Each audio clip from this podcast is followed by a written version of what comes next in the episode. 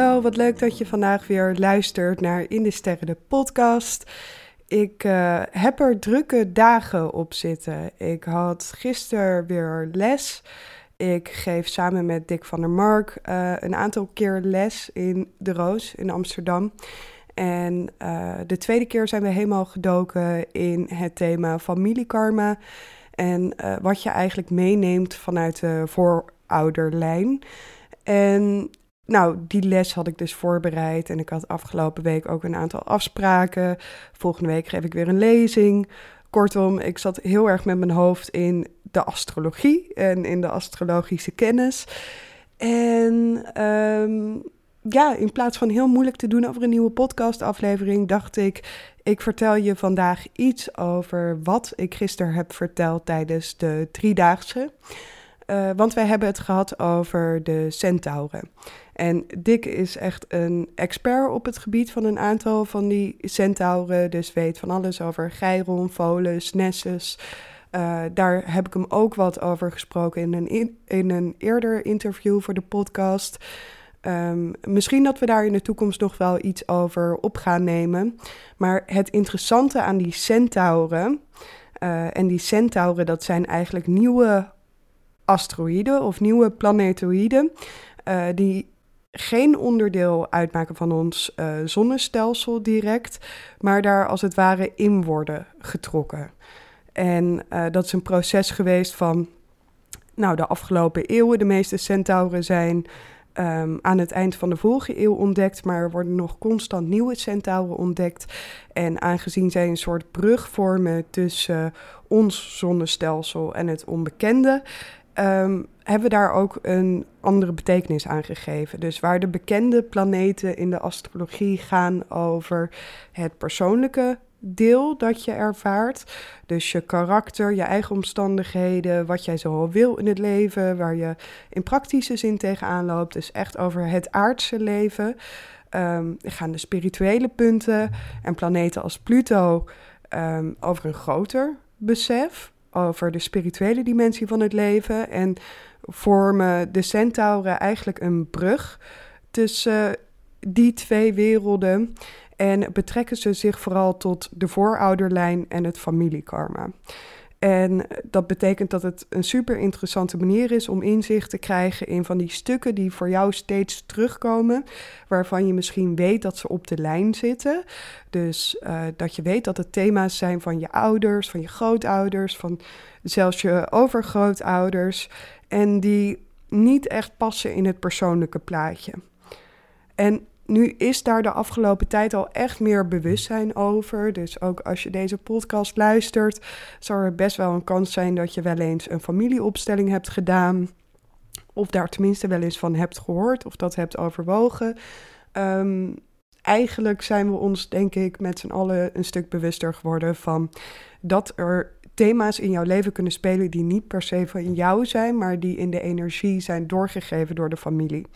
Nou goed, daar gaan die centauren over. En gisteren hadden we dus ook een hele mooie dag in dat opzicht, waarin we heel diep zijn gegaan um, op het familiekarma-stuk. Dus er kwamen allerlei familieverhalen naar voren. En dan zie je ook vaak dat um, dat niet verhalen zijn waar je de hele tijd aan denkt, maar die plotseling in je opkomen op het moment dat je zo'n astrologische plaatsing van zo'n centaur in je horoscoop tegenkomt. Dus er wordt heel veel geopend in zo'n sessie. En ja, ik wil het in deze podcastaflevering hebben over een van die centauren, uh, Gariklo. En Gariklo is in het bijzonder um, een hele interessante centaur als jij geïnteresseerd bent in de thema's die op de vrouwenlijn spelen. Dus op de lijn van je moeder, van je grootmoeder, van de vrouwen om je heen, de vrouwen door wie je bent opgevoed. En op het moment dat jij bijvoorbeeld werkt als coach, astroloog of therapeut, of in ieder geval een hulpverlenend of een zorgend beroep hebt. Want dan is er best wel een grote kans dat uh, jouw Gariklo-plaatsing je van alles gaat uitleggen over waarom dingen zo zijn zoals ze zijn en waar jij tegen oploopt. Wat nou precies de magnetische energie is dat mensen jou weten te vinden. Of dat jij goed bent in wat je doet, maar hoe die energie ook een obstakel kan vormen. En voordat we doorgaan Uh, met precies wat nou de mooie kanten zijn van Gariklo, wat de uitdagingen zijn, hoe je Gariklo in je eigen horoscoop kan opzoeken, wil ik nog even iets delen over mijn programma Align. Ik heb al eerder in de podcast gezegd dat ik de aankomende tijd het programma ga aanvullen met onder andere informatie over de spirituele punten en de centauren. Zodat je als je Align volgt nog dieper kan gaan in de astrologie en voorbij het stuk persoonlijkheid, psychologie kan gaan, maar ook echt de spirituele dimensie kan toevoegen aan hoe jij uh, astrologie beoefent. Dus zo ook als je bijvoorbeeld met klanten wil werken in de toekomst en je bent deelnemer van Align, uh, dat je ook op een spiritueel niveau uh, de transformatie kan bewerkstelligen, mogelijk kan maken. En uh, mensen kan helpen met een, ja, een verandering aanbrengen op een dieper niveau dan alleen het individuele ik wat hoort bij de psychologische astrologie.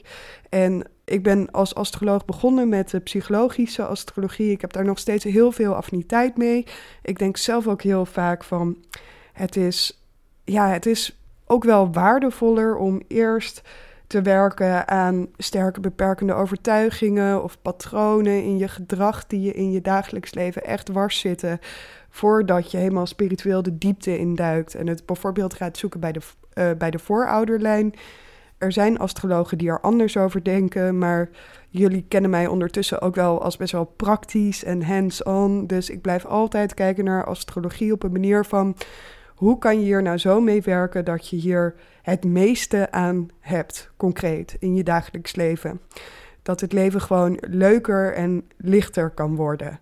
Zonder dat je daarvoor vijf jaar in een klas hoeft te zitten of twintig uh, studieboeken voor hoeft door te nemen. En zo werk ik ook met astrologie binnen Align. En aangezien ik best wel vaak berichtjes krijg van mensen die toch twijfelen en zich afvragen van ja, wat zit er nou precies allemaal in dat programma en hoe, zit dat, hoe ziet dat eruit? Uh, wil ik je nu voor beperkte tijd een kijkje, uh, een kijkje laten nemen in Align. En um, dat deed ik al vaker wel eens als mensen twijfels hadden. Dat ik even zei van, goh, wil je middagje kijken? Gewoon rondkijken, vrijblijvend in het programma. Want dan zie je echt of het iets voor jou is. Um, maar ik weet dat er ook veel luisteraars van de podcast zijn die al vaker hebben nagedacht over: Goh, is Align iets voor me of toch niet? Ik vind het toch best wel spannend om zo'n stap te maken. Nou, in dat geval stuur mij even een berichtje. Dat kan een DM zijn op Instagram. In heet ik, of per e-mail nora.indesterren.nl. En dan kunnen we even een dag plannen waarop jij gewoon vrijblijvend toegang krijgt uh, tot Align. Dat doe ik gewoon vanuit goed vertrouwen en omdat ik je een goed beeld wil geven van wat het programma nou precies behelst. En dan kan je zelf gewoon gaan volgen wat je interessant vindt, precies zien wat er in het programma zit en wat je er zo mee kan. En dan kan je na een dag uh, zelf besluiten van goh uh, sluit dit inderdaad aan bij wat ik zoek, bij mijn behoeften? Of uh, is er nog iets te overleggen? Of heb ik iets anders nodig? Um, dus kunnen we daar gewoon lekker helder en transparant in zijn, zodat je je niet druk hoeft te maken over dat je verwachtingen niet matchen met wat je eruit haalt. Maar krijg je gewoon een goed beeld. Dus als je oprecht interesse hebt in Align gaan volgen, stuur me even een berichtje. Um, want dan spreken we gewoon een momentje af dat jij even kan rondneuzen in het programma en um, ja, eruit kan halen wat je eruit wil halen. En je kan oriënteren op of dit inderdaad een mooie stap voor jou is, dit programma.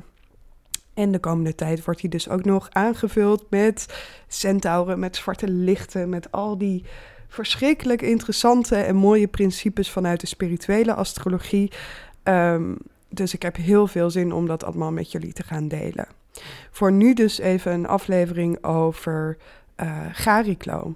En voordat we bespreken waar Gariklo in je horoscoop nou precies voor staat, ga ik heel even het asteroïdenummer opzoeken.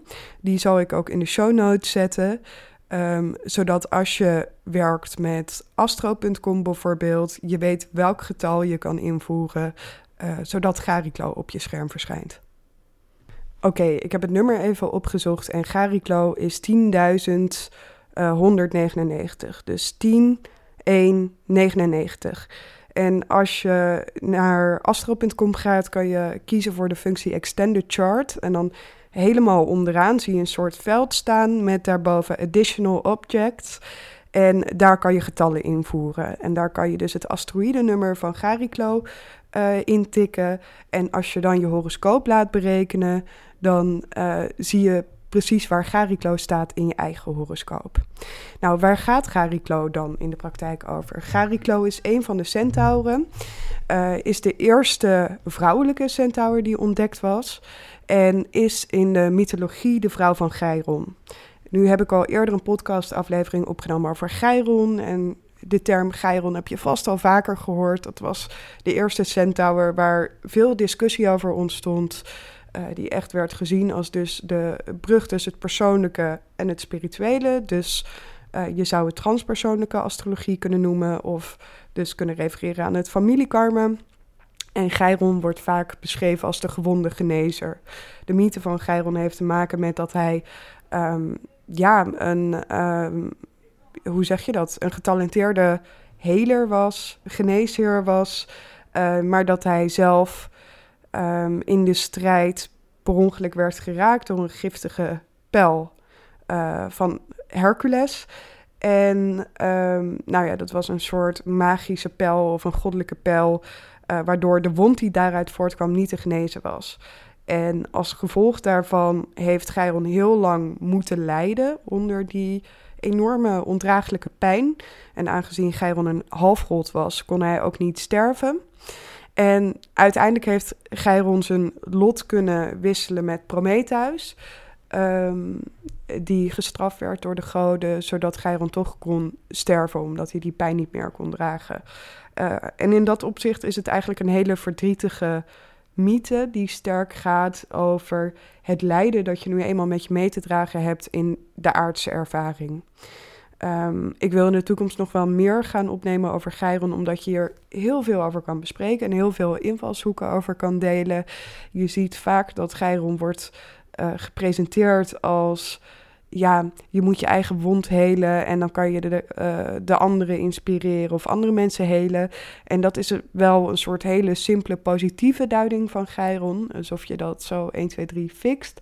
En alsof het iets is waar je soort van actief aan kan werken, zoals bijvoorbeeld je plaatsing van Saturnus, dat dat een gebrek is in je persoonlijkheid of een onzekerheid of zo, waar je gewoon overheen moet komen. Terwijl de pijn van Chiron vaak op een dieper niveau ligt en dus in de familielijn zit, in de voorouderlijn. Uh, dus dat is een heel ander soort kwestie. En Gariklo was uh, de vrouw van Chiron en ook de verzorger van Chiron op het moment dat hij geraakt werd door de pijl. En als je kijkt naar de, uh, of vanaf het moment dat hij geraakt werd als je kijkt naar de mythologie, dan heeft zij ook eigenlijk altijd de rol van verzorger ingenomen. Dus zij was um, ook een genezeres, een heler, uh, een vroedvrouw. Uh, ze was altijd aan het zorgen voor gewonde centauren, voor kinderen. Ze had meerdere pleegkinderen.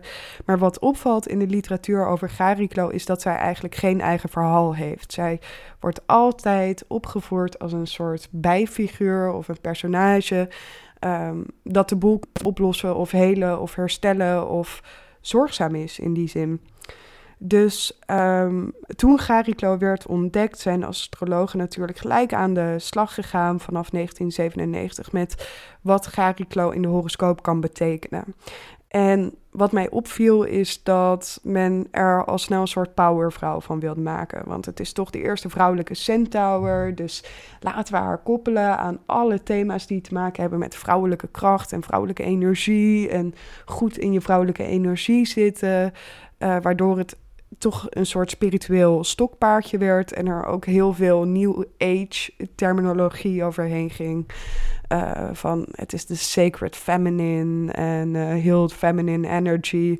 En zelf vind ik dat allemaal heel mooi en aardig. En heb ik ook een hele spirituele kant die dat allemaal op een diep niveau kan ervaren en toegang kan krijgen tot die spirituele dimensie van ja, astrologisch duiden.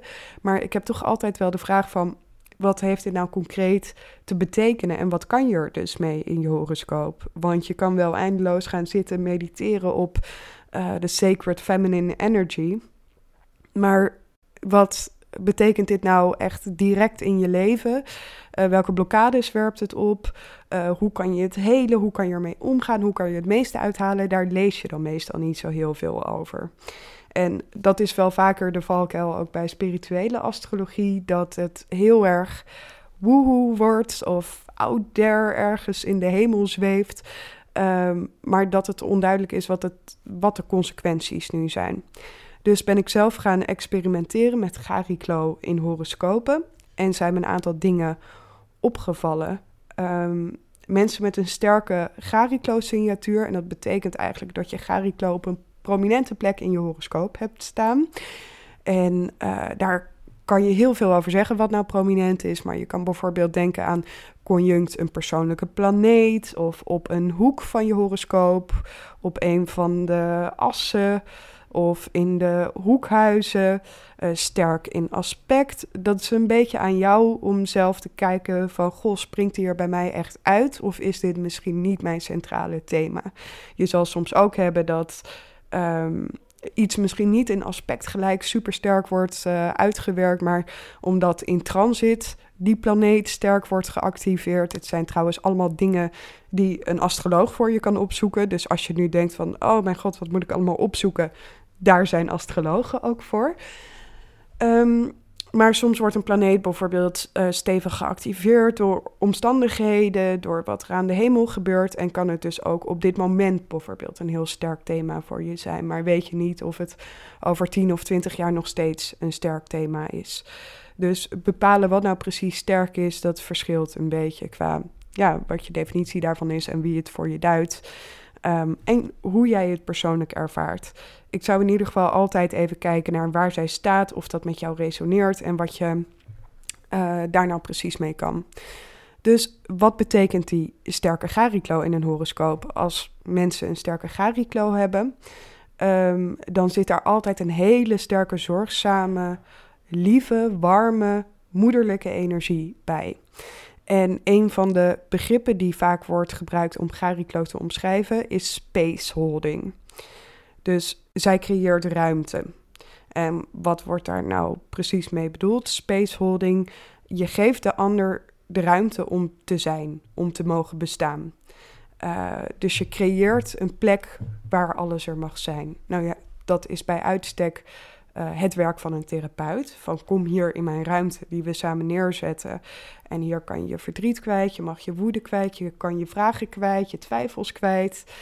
Um, daar wordt ruimte voor gemaakt. Maar dat is natuurlijk ook de rol die moederfiguren bijvoorbeeld snel innemen in het leven van een kind. Dat zij de veilige haven zijn waar iemand gewoon helemaal zichzelf mag zijn. Um, en zijn twijfels en zijn ideeën en zijn emoties kwijt kan. En ruimte maken, dat kan dus heel praktisch zijn. Een therapeut heeft gewoon een praktijkruimte, zo te zeggen. En heeft een aantal uur in de agenda geboekt en maakt zo op een hele praktische manier ruimte. Maar je kan ook ruimte maken in de energie.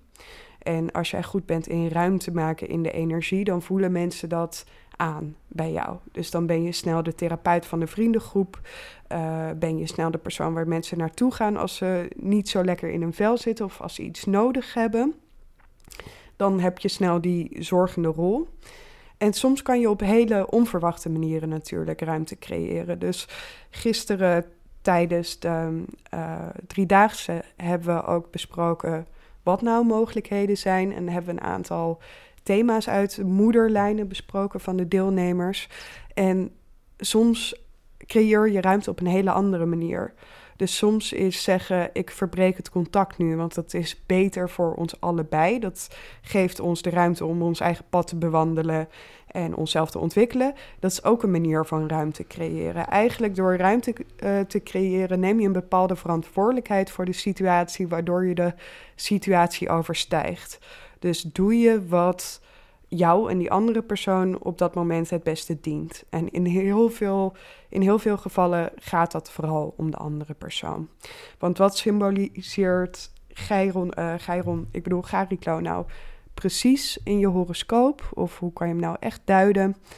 Uh, ik zie Gariklo dus als de spaceholder, maar ook als de persoon die ruimte maakt voor de liefde om te stromen. Uh, vandaar dat het het moederlijke figuur is Gariklo en de genezeres en de verzorger. Dat die types allemaal bij Gariklo horen. En dat je dus bij mensen met een sterke Gariklo in de horoscoop ook ziet uh, dat ze anderen op die manier aantrekken. Zo van, ach, ik wil onderdeel zijn van jouw warme bubbel en uh, mijn verhaal kwijt bij jou. Dat soort dingen zie je voorbij komen. Maar heel vaak is uh, de plek waar Gariklo staat in je eigen horoscoop. En dan zou ik me altijd eerst richten op het huis, omdat dat veel persoonlijker nog is dan het teken. In dit geval, uh, dus niet altijd, maar in dit geval zeker.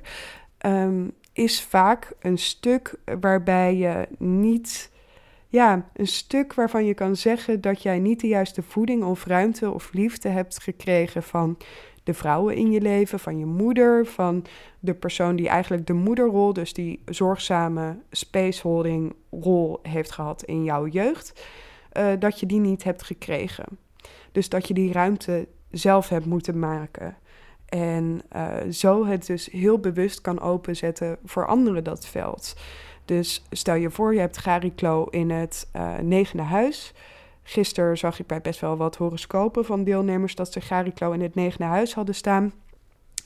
Um, dan uh, kan een manifestatie bijvoorbeeld zijn dat er vroeger niet zoveel tolerantie was op het gebied van welke visie jij hebt of welke ideeën jij hebt over het leven of waar je in gelooft of hoe je in je spiritualiteit staat. Dus uh, dat daar gewoon niet over gesproken werd, of dat er geen open-mindedness was, of dat je je daar beperkt in voelde. Daar kon de liefde als het ware niet stromen.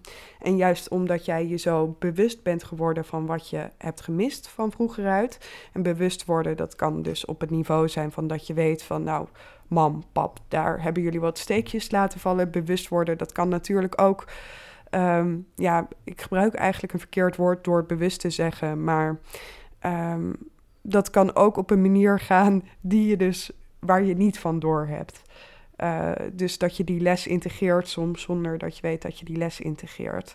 Dus je observeert de situatie waar je vandaan komt, je observeert je eigen familie en je constateert dat daar een tekort is. Misschien zonder dat je dat dus even bewust doorhebt. En je gaat het andere leven. Dus met Gariklo in het negen huis word jij dus daarna voor je vrienden bijvoorbeeld of voor je klanten als je een therapeutisch beroep hebt. Um, sta jij bekend om je openheid, je interesse in de visie van anderen, je interesse in hoe andere mensen spiritualiteit beleven? Sta je bekend om je intuïtie en de warmte uh, die jouw intuïtieve inzichten teweeg kunnen brengen? Dat zijn allemaal negende huisthema's. Dus mensen voelen zich welkom om hun mening en hun visie op het leven te delen.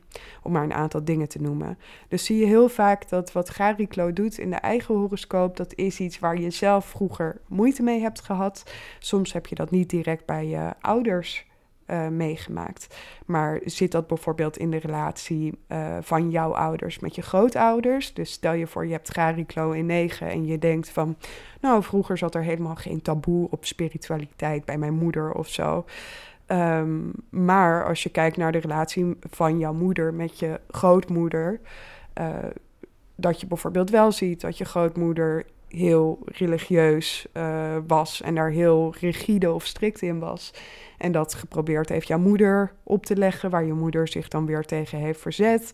Wat er weer voor heeft gezorgd dat uh, je moeder toch bepaalde restricties of een benauwdheid ervaart op dat vlak. Wat ze misschien niet direct naar jou heeft gecommuniceerd, maar wat wel doorwerkt in de energie. Dus bij de centauren in het algemeen en in dit geval bij Gariklo hoef je het ook niet altijd te zoeken in het directe contact waar jij je bewust van bent met je eigen moeder of je eigen vader. Het is natuurlijk niet helemaal strikt beperkt tot moederfiguren in je leven, want um, iedereen kan een feminine energie uitdragen of um, uh, die warme verzorgersrol aannemen. Dus dat is niet per se gebonden aan geslacht, denk ik zelf. Um, maar het hoeft dus niet direct ja, manifest te zijn in de relatie die jij met je ouders hebt, maar het kan ook verder nog op de lijn terugkomen. En wat het mooie dus is aan Gariklo, jij biedt die ruimte en die opening voor liefde om te stromen, een bepaalde tolerantie, openheid, alles mag er zijn. Uh, je moedigt andere mensen aan om te verzachten op dat vlak en alle mogelijkheden te zien. Um, maar wat de risico's hiervan zijn, bij de centauren zie je altijd dat het spirituele principe waar het van uitgaat, is prachtig. Dus bij Gariklo gaat het over de opening naar onvoorwaardelijke liefde. En uh, dat in deze aardse realiteit kunnen ervaren. Uh, dus denk maar eens na over situaties waarin jij voor iemand anders een soort opening naar de liefde hebt gemaakt. Dat iemand naar jou toe kwam met een probleem en dacht in beperkingen en jij een veld hebt neergezet waarin alles er gewoon mocht zijn. En jullie allebei even in contact kwamen met de energie van pure liefde. En pure liefde heeft natuurlijk te maken met er zit geen oordeel op. Alles is goed zoals het is. Laat het maar gewoon stromen. Nou, je kan daar even over nadenken. En misschien dat je dan het thema van Gariklo in je horoscoop ook ziet. Maar wat nou de aardse uitdagingen zijn van Gariklo. Want die centauren gaan dus over een spiritueel hoger bewustzijn, maar over problemen met de vertaling naar de aardse realiteit. En hoe we dat met z'n allen hebben ingericht, is um, dat iemand anders alleen jouw liefde ziet en niet meer jou als persoontje. Dus dat je ik verdwijnt. Of uh, dat je in, een zelfop, uh, in de zelfopoffering terechtkomt. Dus uh, dat je jezelf op de tweede plek zet, omdat je de, ook de overtuiging hebt van ik moet alleen maar zorgen voor die ander en ik ben alleen waardevol als ik zorg. Um, en dat je ongelijke relaties aantrekt.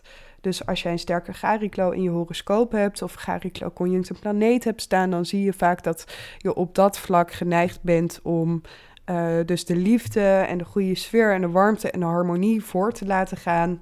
Um, als je het legt naast je eigen belangen of wat jij nodig hebt. Dus dat staat op één. En dat zorgt ervoor dat, dus dat de behoeftes die jij hebt in die situatie of je eigen gezonde grenzen naar de achtergrond kunnen verdwijnen. En wat dus ook echt een Gariklo-thema is, is uh, ja, zie ik als mensen bij me komen met de opmerking of de vraag van: Goh, ik geef zoveel in relaties, maar ik krijg het niet terug, heb ik het idee. Waar ligt dat nou aan? Dat is echt een Gariklo-vraag. Uh, omdat Gariklo echt sterk verbonden is met dat thema van geven en nemen. Dus uh, hoe zit het bij jou qua geven en nemen? Welke overtuigingen heb je daaromheen? Uh, kan je geven vanuit overvloed of ben je aan het geven omdat je eigenlijk iets terug verwacht? Dus kom jij bij mij in de praktijk met een vraag rondom: um, ik geef heel veel in relaties en ik krijg het niet terug, dan kunnen we natuurlijk heel praktisch gaan kijken naar dingen als: past jouw omgeving wel bij je en waarderen mensen je voldoende? En uh, wordt het niet eens tijd om nieuwe relaties aan te gaan, bijvoorbeeld, of een relatie te beëindigen? Dat is een hele praktische vertaling van wat je kan doen met dat thema. Maar als jij stevast in relaties terechtkomt waar jij veel meer aan het geven bent dan aan het nemen bent, dan zit er vaak een overtuiging achter dat jij niet gewoon jezelf mag zijn zoals je bent in je menselijkheid en in je problemen, uh, maar dat je alleen van waarde bent op het moment dat je veel te geven hebt. Uh, wat dus weer heel sterk verband kan houden met Gariklo. Dat je je eigen waarde gaat ophangen aan wat je te geven hebt, wat je te zorgen hebt, hoe je andere mensen kan helpen. En dan kom je natuurlijk vrij snel structureel in relaties terecht waarin je de hulpverlener of de verzorger bent. En um, ja, dat is een thema dat veel vrouwen zullen herkennen in hun eigen relaties. En dat vaak ook uh, op een dieper niveau op de familielijn zit. Want vandaag de dag zijn we als vrouwen, om het even over vrouwen in het algemeen te hebben, um, in het westen van de wereld natuurlijk geëmancipeerd. En we maken onze eigen keuzes en we kunnen ons eigen ding doen in heel veel gevallen. Maar als je uitgaat van het idee dat al die vrouwenstukken van de lijn nog doorwerken in jouw ervaring hier en nu, dan kom je natuurlijk heel veel thema's uh, snel tegen. Hoeft niet altijd het geval te zijn, maar Um, iedereen kent het toch wel een beetje uit de eigen familie, of bijna iedereen kent het wel een beetje. Uh, van vrouwen die hun eigen leven en hun eigen persoonlijkheid en wat zij wilden in het leven uh, moesten opofferen omdat ze te zorgen hadden voor een echtgenoot, voor een gezin, voor een gemeenschap. Ehm, en als dat thema in de familielijn zit, dan is er natuurlijk een grote kans dat dat zich ook manifesteert in jouw leven op het ene gebied of het andere uh, gebied. Voor veel mensen werkt dat dus door in relaties, in liefdesrelaties bijvoorbeeld. Maar iedereen heeft eigenlijk zijn eigen manier om daarmee om te gaan. Dus uh, misschien merk je het juist sterk in je werk. Of heb je het in de ideeënsfeer. Of um, heb je het in een specifieke rol die je speelt. Of um, ervaar je het rond een specifiek thema. Ik heb Gariklo bijvoorbeeld in mijn tiende huis staan. En wat mijn werk in essentie is en waar ik ook goed in ben, is mensen laten zien: hey, je hebt heel veel in je mars en je mag dat gaan laten zien aan de wereld. Um, dat is wat ik vanaf het begin af aan al heb gedaan. En door die Gariklo-plaatsingen zien andere mensen die liefde in mij. En zien mensen dat ik dat vermogen heb, dat ik ze daarmee verder kan helpen. Um, tegelijkertijd kan dat ook um, een thema zijn natuurlijk in mijn familie. Dat uh, vrouwen niet de ruimte hebben gekregen om zelf een podium te pakken. Of om zelf te ervaren van... Goh, ik heb heel veel in mijn mars, dus ik mag het podium pakken... of ik mag de wereld tegemoet treden. Dat ze meer naar binnen gekeerd waren of thuis bleven. Um, maar ja, ik kan het bijvoorbeeld ook weer merken in dat ik overcompenseer in mijn werk of heel veel aan het zorgen ben in mijn werk of andere mensen zo vooruit wil helpen in hun carrière of wat ze neerzetten op de wereld. Um, dat dat niet altijd even goed of handig voor mij en mijn grenzen en mijn behoeftes uitkomt. Dus Gariklo hoef je niet alleen maar in de één op één liefdesrelaties zo te ervaren, maar kan echt het thema van een specifiek huis aangaan. En de grote les dus bij Gariklo is: um, hoe kan je geven en ontvangen zonder voorwaarden?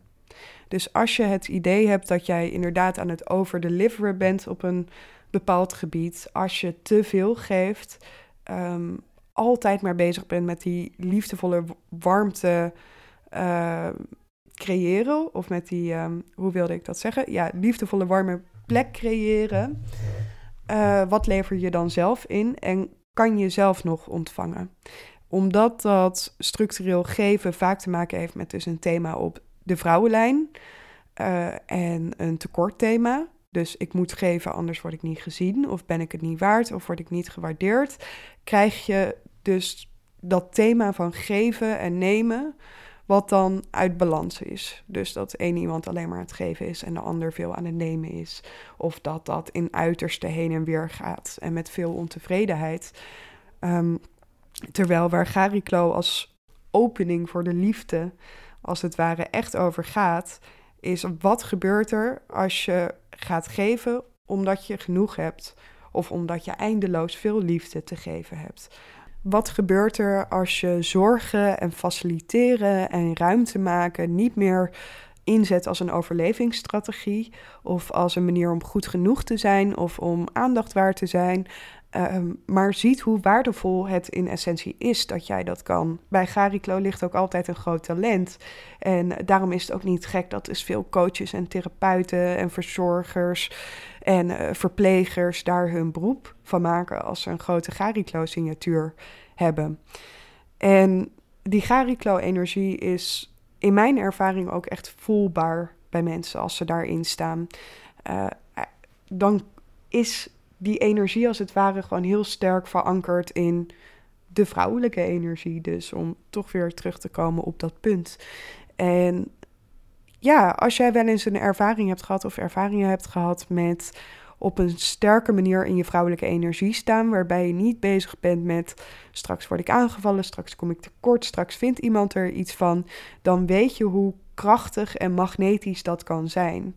Eh, dan weet je dat dat een energie is uh, waarbij als je hem sterk uitzendt, mensen gewoon, de juiste mensen op het juiste moment bij jou terechtkomen. En jij niet hoeft te leuren of te trekken of om aandacht hoeft te vragen. Of weer tegen je partner of je klant hoeft te zeggen van... Goh, uh, het zou leuk zijn als ik een keer iets terug zou verwachten. Om maar een aantal dingen te noemen.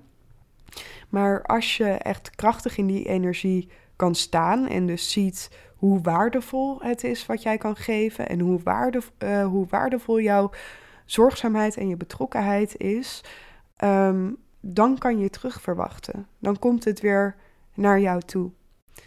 Goed, ik zie dat ik al een poosje aan het praten ben, dus ik uh, rond deze aflevering voor nu af. En ik ben heel benieuwd naar wat je vindt van deze aflevering over Gariklo. Waar jij me in je horoscoop hebt staan. Je kan me altijd een DM'tje sturen op Instagram. En um, ja, trouwens, als je hierover gaat googlen, dit is echt um, nieuw astrologisch terrein. Dus hier is nog nauwelijks iets uh, over geschreven of over gedeeld. Dus wat je nu hoort is echt mijn visie op Gariklo. En uh, ik kan daar niet een of ander naslagwerk uh, werk voor tippen. Maar als je hier alles van wil weten, dan ben je natuurlijk wel altijd welkom voor een consult bij mij in de praktijk. Uh, die geef ik ook weer live, dus in Amsterdam. Uh, of kan je even kijken naar Align, want daar zal ik binnenkort ook uh, veel meer informatie gaan delen over werken met de centauren en de specifieke betekenis van de centauren in je horoscoop. Vond je deze aflevering waardevol, dan doe je me altijd een groot plezier met een 5 sterren review achterlaten op Spotify. En dan zie ik je weer bij de volgende aflevering.